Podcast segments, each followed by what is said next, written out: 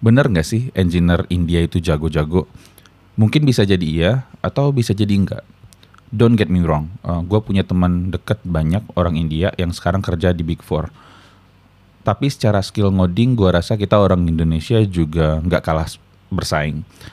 Tapi ada satu hal mendasar yang menurut gue membuat kita ketinggalan jauh dari engineer dari India.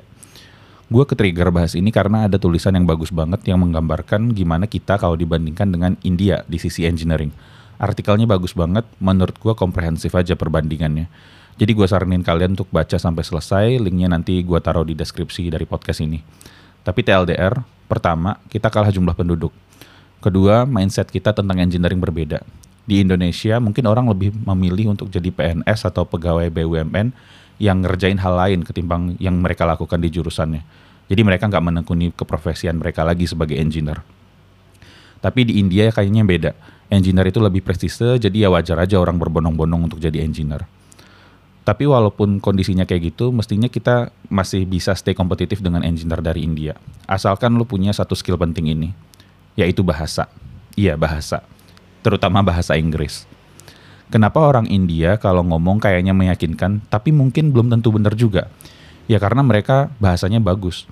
Gue diceritain roommate gue waktu masih kuliah, uh, dia orang India. Kalau mereka itu udah diwajibin ngomong pakai bahasa Inggris sejak SD kalau di sekolah ketahuan gak pakai bahasa Inggris, ya mereka bisa diomelin guru atau bahkan dihukum. Lah, kalau kita di sekolah dulu ngelihat teman ngomong bahasa Inggris aja dikit mungkin udah diledekin. Ya sebenarnya gimana kita mau maju? Karena mereka udah jago bahasa Inggris, jadi ya literatur dalam bahasa Inggris ya gampang aja buat dimakan sama mereka. Sementara kita masih ada di tahapan di mana kita masih mikir gimana caranya menumbuhkan minat baca. Apalagi artikel bahasa Indonesia. Jangan ngomongin bahasa Inggris deh engineer kalau nggak bisa bahasa Inggris gimana mau baca instruction manual atau dokumentasi API atau bahkan paper dan lain-lain. Mereka berani berargumen dan nggak takut untuk memulai perdebatan. Ya speak up kalau nggak ngerti, bertanya. Kalau ada mereka yang nggak setuju dengan suatu hal, biasanya mereka akan mengutarakan dan mungkin mereka juga siap berdebat.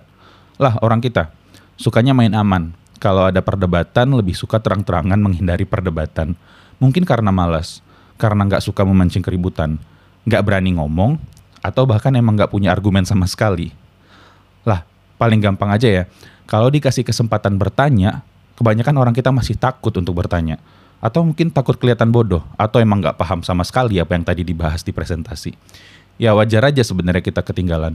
Literasi kita masih kurang, kemampuan kita untuk menyerap sesuatu hal pun juga jauh masih kurang gue salah satu engineer yang mungkin telat menyadari betapa pentingnya bahasa Inggris. Butuh waktu dan pengalaman malu-maluin dulu, sampai akhirnya gue serius untuk berbahasa Inggris dengan baik. Sekarang memang zamannya untuk berkolaborasi, tapi tetap penting untuk stay kompetitif. Kalau kalian mau masuk ke dalam kompetisi, ya persiapkanlah bahasa Inggrisnya dengan baik. Mungkin terdengar sepele, terdengar mudah, persiapkan bahasa Inggris dengan baik. Tapi dari pengalaman gue kalau kalian punya ini kalian nggak perlu khawatir kalau ada yang bilang engineer India itu lebih jago daripada engineer Indonesia. Ya udah kita buktiin aja apakah emang jago atau apa ataukah ada alasan lain ya kita lihat aja nanti. Terima kasih udah dengerin, support terus gue di support.imbrenagi.com kalau kalian merasa konten gue bagus dan kalian pengen gue bikin hal-hal lain lagi. Sampai ketemu lagi di episode berikutnya.